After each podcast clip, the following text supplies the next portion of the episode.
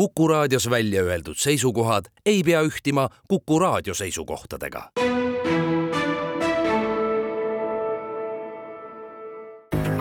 ohtlik klikk. saadet toetab Riigi Infosüsteemi Amet tere, head Kuku kuulajad, eetris on saade Ohtlik klikk ja me räägime täna ajakirjanduse rollist ja seal valeinformatsiooni levitamise tagajärgedest. mina olen Ingela Virkus ja koos minuga on stuudios ajakirjanik ja õppejõud, koolitaja ning olukorrast ajakirjanduses üks saatejuhtidest, Väino Koorberg, tere! tere! No Eesti ajakirjanduseetika koodeks ütleb, et ajakirjandus teenib avalikkuse õigust saada tõest, ausat ja igakülgset teavet ühiskonnas toimuva kohta. ajakirjanduse üks peamine kohustus on ühiskonnas kriitiliselt jälgida poliitilise ja majandusliku võimu teostamist. milline on täna teie hinnangul ajakirjanduse ja ajakirjaniku roll, kui tänaseks me saame juba rääkida ka näiteks märksõnadest infosõda ja fake news no minu arvates ajakirjanduse roll just olla see tõe otsija ja mitte tõe kuulutaja niivõrd, vaid tõe otsija. Ja selle tõe all me ei pea silmas siis mingisugust niisugust ülimat filosoofilist mõistet, vaid, vaid pigem püüdu faktipõhise, kontrollitud neutraalselt esitatud, objektiivselt esitatud, läbipaistvate meetoditega kokku saadud äh, ja avalikkuse huvides äh, koostatud informatsiooni esitamisele. et see tegelikult kasvab ja see kasvab sedavõrd, kuivõrd meie ümber tegelikult seda informatsioonilist udu üha rohkem tuleb juurde ja seda informatsioonilist udu tuleb meie juurde tänu sotsiaalmeediale, tänu inimeste enda mm, võimele eh, internetis mm, sisu luua, see on kõik muutunud ülilihtsaks ja sõnumi, tänu internetile me suudame tegelikult sõnumeid levitada hästi paljudele inimestele hästi kiiresti. see oli miski, mis veel nagu mõnikümmend aastat tagasi tundus nagu olevat võimatu. et, et selles udus, et meil oleks kusagil mingid majakad, kes teed näitaksid, selleks on nagu ajakirjandus eriti oluline, mulle tundub kui ma siin mainisin ka ajakirjaniku rolli, siis äh, kas täna võib justkui nagu ajakirjanik siis olla igaüks, kes mingit äh, sisu toodab ja, ja tal on jälgijaid ja kes no, teda usuvad? no jälle, see on miljoni dollari küsimus, et kuidas defineerida, et kes on üldse ajakirjanik, et, et, et iga sisulooja ei ole ajakirjanik ja iga sisu ei ole ka tegelikult ajakirjandus arvatavasti. arvatavasti selleks, et, et tegutseda ajakirjanikuna, peaks see ajakirjanik omaks võtma võtma nagu noh, mingi, või kõigepealt mõtlema, miks ta seda teeb. Ja jälle, et eks ju, et väga sageli nagu kui ma olen suunamudija või kui ma olen tegelikult sisuturundaja või kui ma olen kommunikatsiooniinimene, siis minu eesmärk, ma tahan oma sõnumit levitada. see ei saa olla ajakirjanduse põhiline ülesanne, ajakirjanduse ülesanne on tegelikult noh, tõepoolest tõde otsida, ehk et esitada küsimusi avalikkuse nimel, eks ju, avalikkuse huvidest lähtudes. et see on nagu see, et sa pead nagu mõtlema, milline sinu see eesmärk selle asja juures on ja siis, kuidas sa seda tööd teed või et mis on selle teksti iseloom, mida sa, mida sa koostad, et kas see tekst tõepoolest siis on faktipõhine, kas see on tasakaalustatud, kas see on objektiivne, kas see on kõigekülgne võimalikult tasakaalukas? Siin on siis oluline ju ka tarbija teadlikkus, et mida ta tarbib, mida ta loeb, kui usaldusväärseks ta seda peab, et, et tõesti igat postitust näiteks Facebookis ei peaks kohe nüüd tõetruuks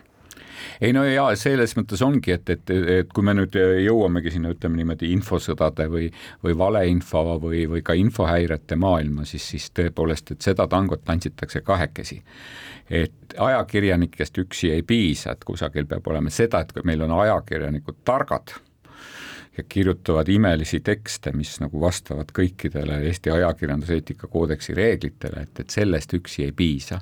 et meil peavad olema ka targad lugejad ja targad lugejad selleks, et nad sellest üldisest udust või sellest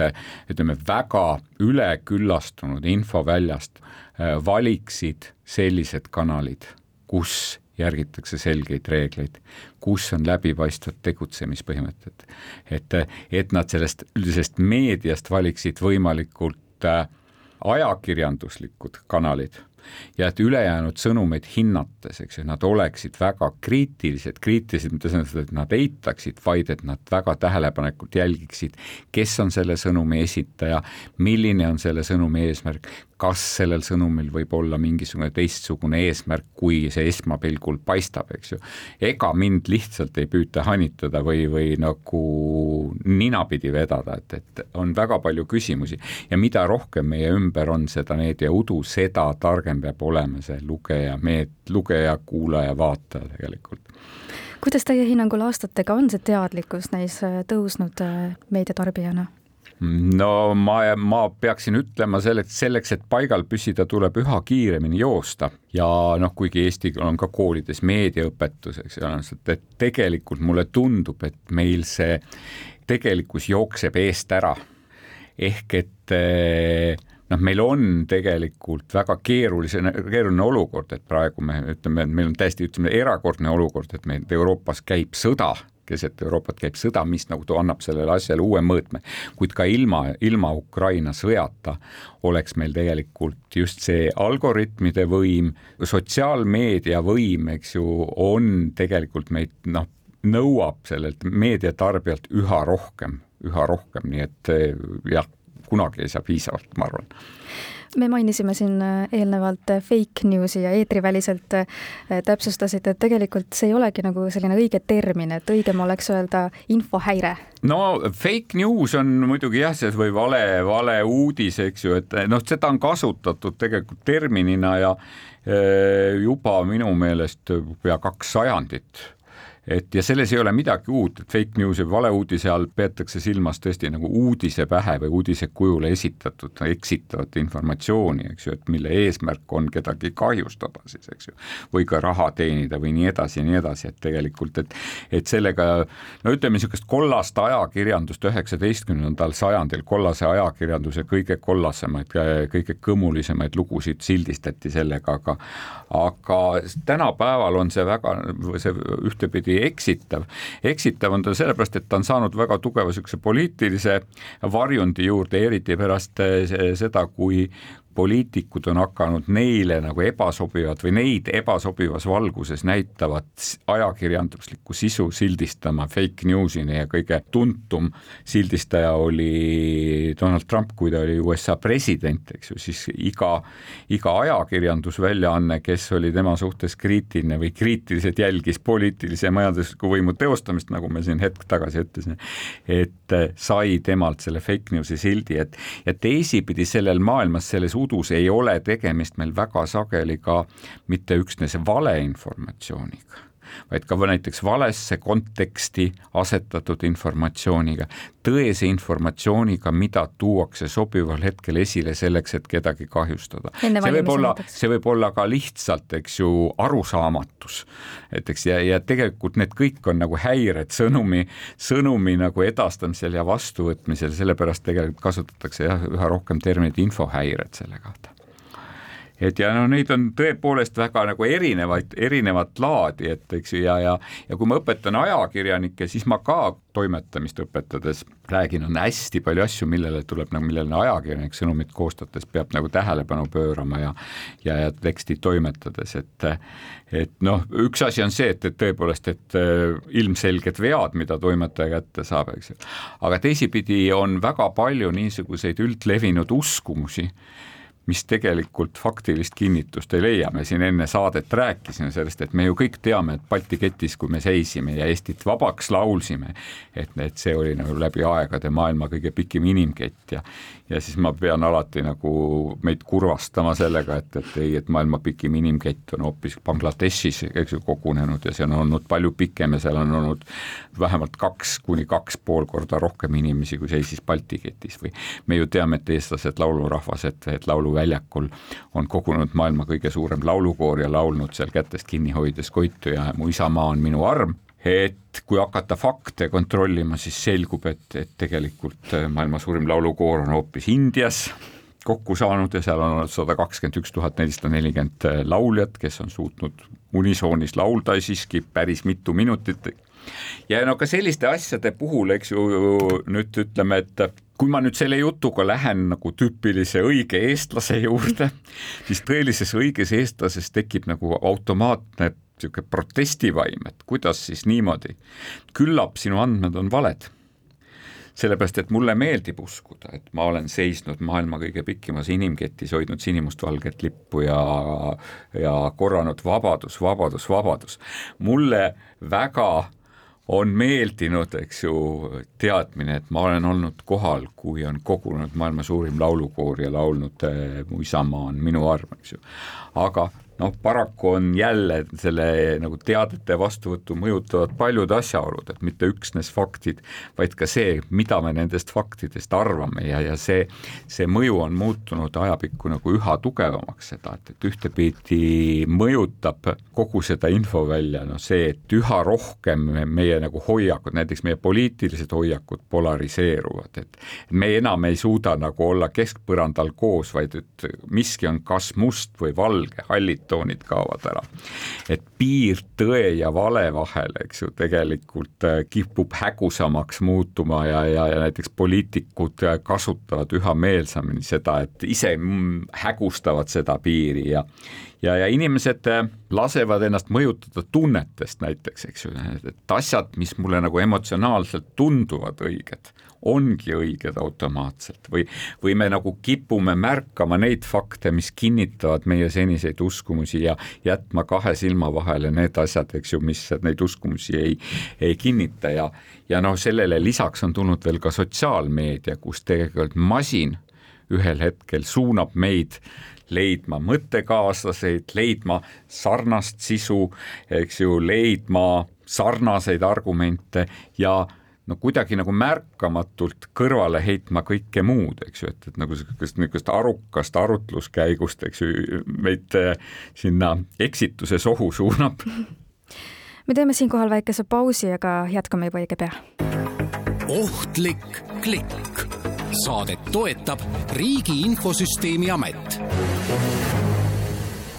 me jätkame saadet Ohtlik klikk ja me räägime täna vale levitamisest äh, ajakirjanduses. mina olen Ingela Virkus ja koos minuga on stuudios õppejõud, koolitaja, ajakirjanik ning olukorrast ajakirjanduses üks saatejuhtidest äh, Väino Koorberg. mis ohtu see kõik endast võib kujutada, et kuidas näiteks küberruumis seda ära kasutatakse riiklikul tasandil? no see ei olegi ainult riiklikul tasandil,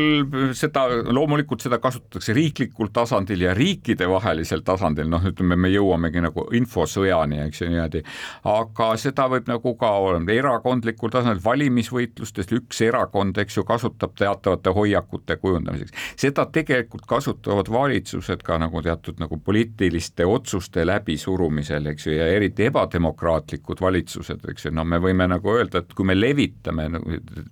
mingit sõnumit, ütleme, ja meile meeldib tõepoolest, eks ju, võib-olla levitada sõnumit, et kõiges maailmas on süüdi juudid või kõiges on süüdi ukrainlased või kõiges on süüdi homoseksuaalid, eks ju. Et siis need eh, sõnumid hakkavad nagu mõttekaastusest üha rohkem levima ja algoritmid hakkavad seda nagu noh, algoritmid väga sageli sotsiaalmeedias on just niisugust viha ja vastuolulisust võimendama et niisugust ratsionaalset nagu mõttekäiku nad tavaliselt ei kipu mõist-,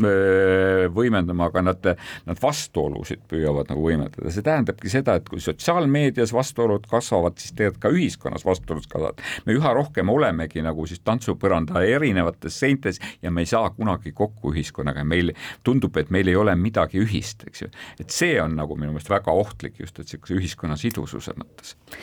kas on ühel hetkel äh, mingil moel ka kuidagi karistatav? No sellest muidugi räägitakse hästi palju sellise noh,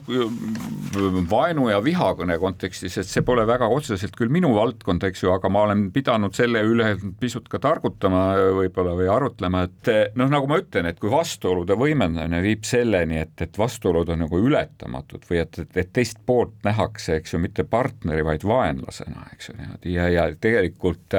võetakse ette ka mingisuguseid samme selles osas, eks ju noh, näiteks lähiajaloost võime me tuua ju seda, et kus tegelikult siin kümmekond aastat tagasi, võib-olla ka viisteist aastat tagasi Venemaa ühiskonnas väga tugevalt hakkas see nagu see tõepoolest see homoseksuaalide vastane hoiak levima ja kus hakati vastu võtma ühtepidi ka nagu püüti vastu võtma ja ka võeti vastu seadusi, mis tegelikult nagu piirasid seal lapsendamise õigusi ja kõike muud, eks ju, selle asja juures. et siis sellega kaasnes tegelikult niisugune arutelu, mis nagu läks väga ühes suunas, eks ju, ja see arutelu väga kiiresti kiiresti radikaliseerus kuni selleni, et kõikides maailma hädades on süüdi homoseksuaalid, mis tegelikult tõi kaasa täiesti konkreetse vägivallalaine ja tegelikult ka nagu surmajuhtumid kus inimesed lihtsalt peksti surnuks, sest nad on süüdi kõikides hädades, eks ju. et see on väga ohtlik minu meelest, et ma ise ei ole karistusõiguse spetsialist selles osas, ei ole nagu minu asi seda ühtepidi öelda, aga aga et see võib nagu kaasa tuua, et sõna mingis mõttes võib kaasa tuua reaalse tagajärje kuidas aga sellega on, et kui ajakirjanik ei saa ikkagi päris igaüks olla, siis äh, sõnumit ju võime me kõik levitada, et kus läheb see piir siis näiteks äh, sõnavabaduse ja selle info levitamise vahel nii-öelda, kui see oleks juba, ma ei tea, karistatav või, või oleks juba väga ohtlik? No ei tahaks kõigepealt karist, karistamiseni jõuda, tahaks lihtsalt, et kus läheb, no seal on see, kus läheb piir ajakirjanduse ja mitteajakirjanduse vahel või võib-olla siis ajakirjanduse ja meedia vahelt, et ja, ja no ühtepidi nagu rääkisime, ajakirjanduslik eesmärk, ehk see peab olema avalikkuse huvides, see peab järgima. noh, ma olen ise öelnud, et ajakirjanik ajakirjanikuna tegutsedes seab endale hästi palju piiranguid ja kohustusi, mida näiteks sotsiaalmeedias, kui me nagu oma viha välja e-, e-, elame, eks ju, me endale nagu seadma ei pea, eks ju, võib-olla seesama sotsiaalmeedia kanal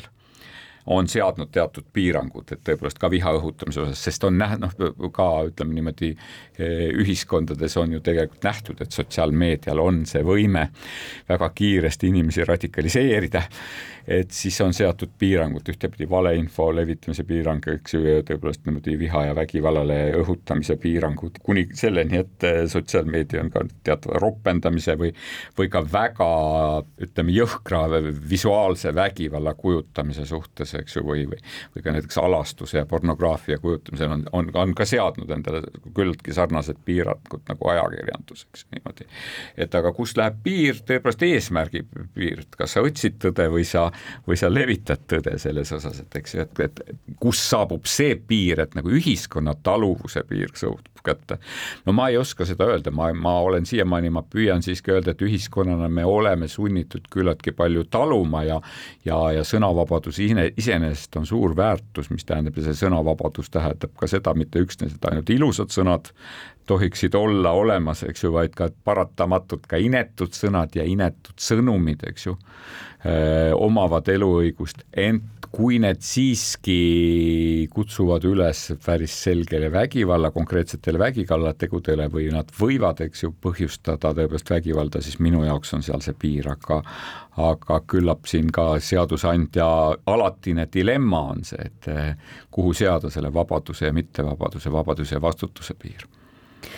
Te mainisite ka infosõda, et kust läheb siis või mis hetkest saab sellest kõigest, millest me täna oleme rääkinud, infosõda? Mis asi no. see infosõda üldse on? ei no infosõda, noh, ma võib-olla nagu sellisena, et, et me kujutame ette, et, et sõda käib siis, kui püssid pauguvad, kahurid äh, kõmisevad, eks ju, ja majad on varemetes, eks ju, lennukid lendavad, tankid mürisevad, et tegelikult äh, noh, kogu aeg öeldakse, et, et sõda iseenesest on poliitika jätkamine või diplomaatia jätkamine teiste vahenditega, kineetiliste vahenditega. et mis on sõja eesmärk? Sõja eesmärk võiks olla siis nagu saavutada nagu mingisugune võim vastase üle või, või, või allutada vastane oma tahtele, eks ju, tähendab, et, täpselt samamoodi tegelikult on sõnumitega, sõnumitega on võimalik inimesi, inimesi tegelikult allutada kuidagi niimoodi. E,, on võimalik ju tegelikult sõnumitega tekitada seda, et inimestes on lootusetuse tunne lootusetu on vastu panna, eks ju, tähendab, äh, inimestes võib tekkida uskumus, et nad ei ole rahvana midagi väärt, eks ju, tähendab, või et see maa ei ole väärt kaitsmist või et äh, teie juhid on valelikud, eks ju, tähendab, teid on petetud, meie tuleme ja päästame teid. et selliste sõnumite levitamine tegelikult nagu just nagu vaenu, ühe vaenupoole huvides, eks ju, tähendab, ongi see infosõda, see on minu niisugune ütleme niimoodi köögidefinitsioon selle asja juurde, et kõikide asjade defineerimine on jube keeruline, noh, seesama nagu ma ütlesin, et valeuudiseid me püüdsime ka või infohäireid püüdsime defineerida, et ka seal on tegelikult nagu väga palju erinevaid tüüpe olemas üldse nagu nagu, et, et et nagu ma ennist ütlesin, et sedasama valeinfotki on olemas nagu sellist, et või mitte valeinfo, infohäiret on olemas, et, et et me võime infohäirena käsitleda isegi seda, et kui ajakirjanik teab vea ja ajaleht avaldab ära mingisuguse väite, mis ei ole tõsi, järgmisel päeval ajakirjanik on silmad pihus, ajaleht avaldab õienduse, eks ju, tavaliselt selle, et, et, et ka see on üks sedasorti infohäire, et ajakirjanik peab tegelikult tegema hästi palju tööd ja toimetus peab tegema hästi palju tööd veendumaks, et nagu see, et info vastab tõele ja vastab reeglitele ja ajakirjanduslikule eesmärkidele. ja tegelikult noh, ma olen, kui ma õpetan tudengeid, siis ma, siis ma toimetajaid õpetades ütlen, et alati peab olema valmis ka selleks, et, et mitte üksnes lugeja ei lange nalja ohvriks, eks ju, vaid ka terved toimetused on langenud mingite naljameeste või, või teinekord ka pahatahtlike naljameeste ohvriks või petturite ohvriks, et tegelikult ei ole olnud vist maailmas ühtegi ajalehte või või, või teleraadiojaama, kes ei oleks vähemalt korra selliste naljameeste ohvriks langenud, et Eestis, Eestis on selliseid asju ka olnud, sest hea nagu reporteri, hea toimetaja kontrollib alati, et kas see autor on olemas ja kas see allikas reaalselt on olemas, kellega ta räägib ja kas ta on see inimene. siin sõja ajal on küllalt ette tulnud vist neid, neid tüngakõnesid, mida mingid raadiojaamad on kõrgete poliitikutega teinud, aga meil on olnud ka tegelikult juhtumeid ka Eesti ajakirjandus, seda, kuidas ajalehed on avaldanud tegelikult neile kaastööna pakutud väga kvaliteetseid intervjuusid väga kuulsate, väga mõjukate maailma inimestega. Ja siis selgub, et neid intervjuusid ei ole üldse aset leidnudki, et on olnud üks juhtum autoriga, kelle nimi oli Argo Riistan, et kes tegi tõepoolest nagu tippintervjuusid, eks ju, ja, ja, ja, need ilmusid Postimehes ja, ja minu meelest ilmusid ajalehes Sirp ja selgus, et neid intervjuusid pole kunagi aset leidnud, vaid need on kokku guugeldatud tegelikult ja ja minu meelest legendaarne juhtum on olnud vist ikkagi see, et kus just nagu ajakirjanikuna esinenud inimene või ma ei saa teda ajakirjanikuks nimetada, kuigi ta võib-olla vormiliselt oli, reporter pakkus välja, Gustav Reinop, kes, kes tegi intervjuusid just Afganistani sõjast, eks ju niimoodi, olles tegelikult kusagil oma äh, Tallinna kortermaja tagumises toas, eks ju, andis ta vist Eesti Raadio eetrisse otsereportaaže sellest, et kuidas ta asub kohe pealetungile, et eks ju, et me ei saa ka selliseid asju välistada ja noh, nagu ma ütlesin, seda infohäirete udu on hästi palju ja see on hästi mitmekesine, et et inimesed on väga leidlikud, et seda ei maksa alahinnata. me teeme siinkohal taas ühe väikese pausi, aga jätkame õige pea.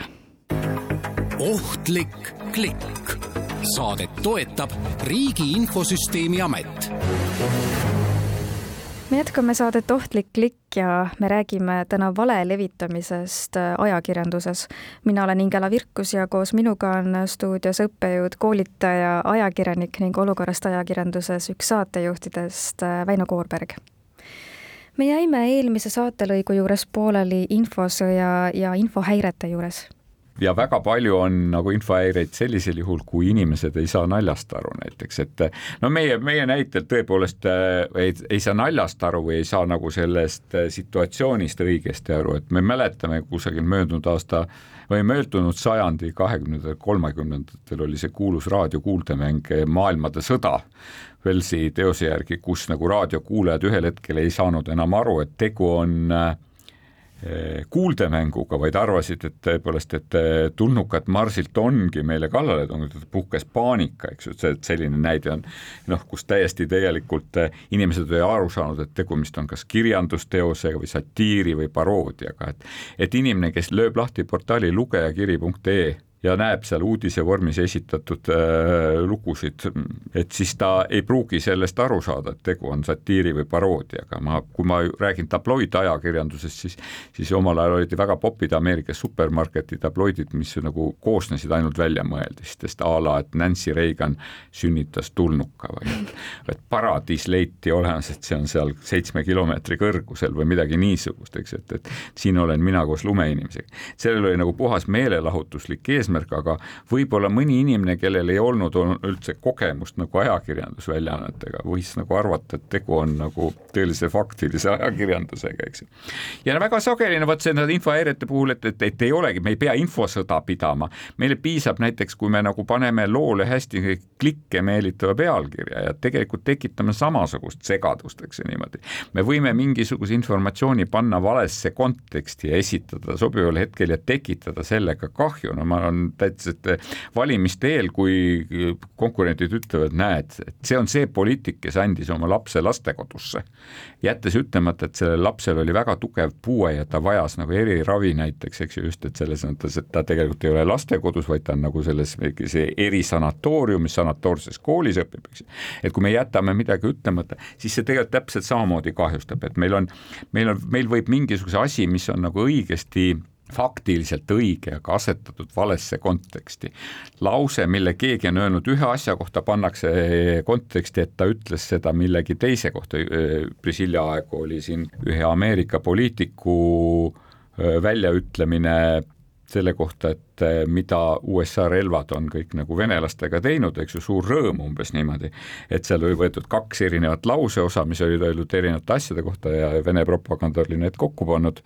ja saavutanud sellest mingi jubedad tulemuse, et see on nagu see asi, et alati me ei peagi tegelikult, me võime ka siis noh, enne kui me jõuame nagu tõelise võltsinguni, eks ju, niimoodi, me võime ka lihtsalt sisu manipuleerida, eks ju, niimoodi. me võime fotole midagi juurde joonistada või midagi fotolt ära lõigata. Ameerika valimine valimiste ajal näiteks kasutati ühtedel valimistel minu meelest väga tugevasti seda, kus ühte kandidaadi telekanal näitas pisut aeglustatud ainult natukene aeglustatud videot, kust jäi nagu selle, tänu sellele aeglustumisele jäi mulje, et inimene on kas ebaadekvaatne või purjus ja sellel oli väga tugev mõju tegelikult valimistulemuseni, et ka sellised trikid on nagu, mida tehakse. ja alles siis me jõuame tegelikult niisuguse fabritseeritud või väljamõeldis sisu, sisu juurde, millel võivad olla väga tugevad tagajärjed. näiteks sellesama Ukraina sõja puhul,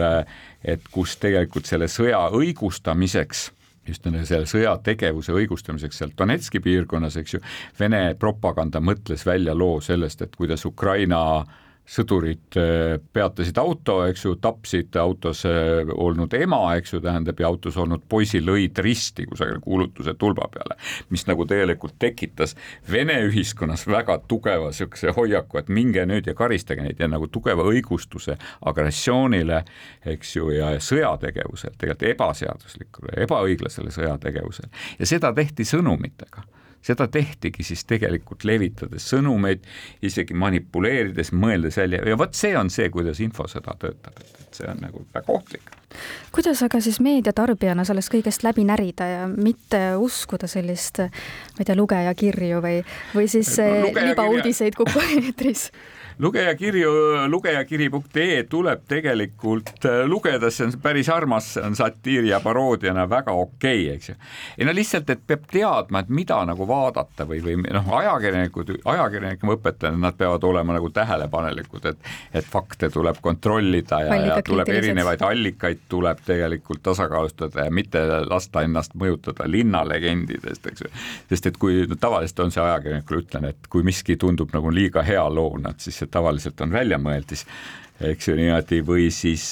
noh, aga kuni, kuni ka selleni, et peab olema ettevaatlik isegi uuringute ja ja faktidega, et sellest, sest tegelikult osasid uuringuid ei tee mitte uuringufirmad, vaid teevad poliitiliselt kuidagi nagu erakondadega seotud niinimetatud pseudouuringufirmad, eks ju, ja nii edasi või asjast huvitatud isikud, aga aga tavaline inimene peab alati ühtepidi, ma soovitan seda, et, et kõigepealt tuleb oma nagu meediamenüü hoida võimalikult mitmekesine. et tuleb mitte jälgida ühte kanalit ainult, eks ju, vaid jälgida erinevaid kanaleid, võrrelda seda informatsiooni niimoodi, teada, kes on millegi taga, eks ju niimoodi, et eh, mõtle, et mis selle nagu uudise taga võis olla, et eks ju, millise eesmärgiga, mis see asi võiks olla nagu levitatud, eks ju niimoodi teisi, siis tavaliselt no me läheme kõige rohkem mm, ohvriks pealkirjadega, et ärge ei piirdu sellest, et kui te loete ainult pealkirja, lugege lugu läbi enne, kui te langetate otsuse, et loe pealkirjast kaugemale, et eks ju, et see pealkiri võib olla kliki meelitamiseks tehtud, selleks, et inimesed tuleksid, et inimesi meelitada seda lugu lugema, et, et kui, et võib juhtuda, et kui sa loo läbi loed, et siis sa saad aru, et asjad on tegelikult teistmoodi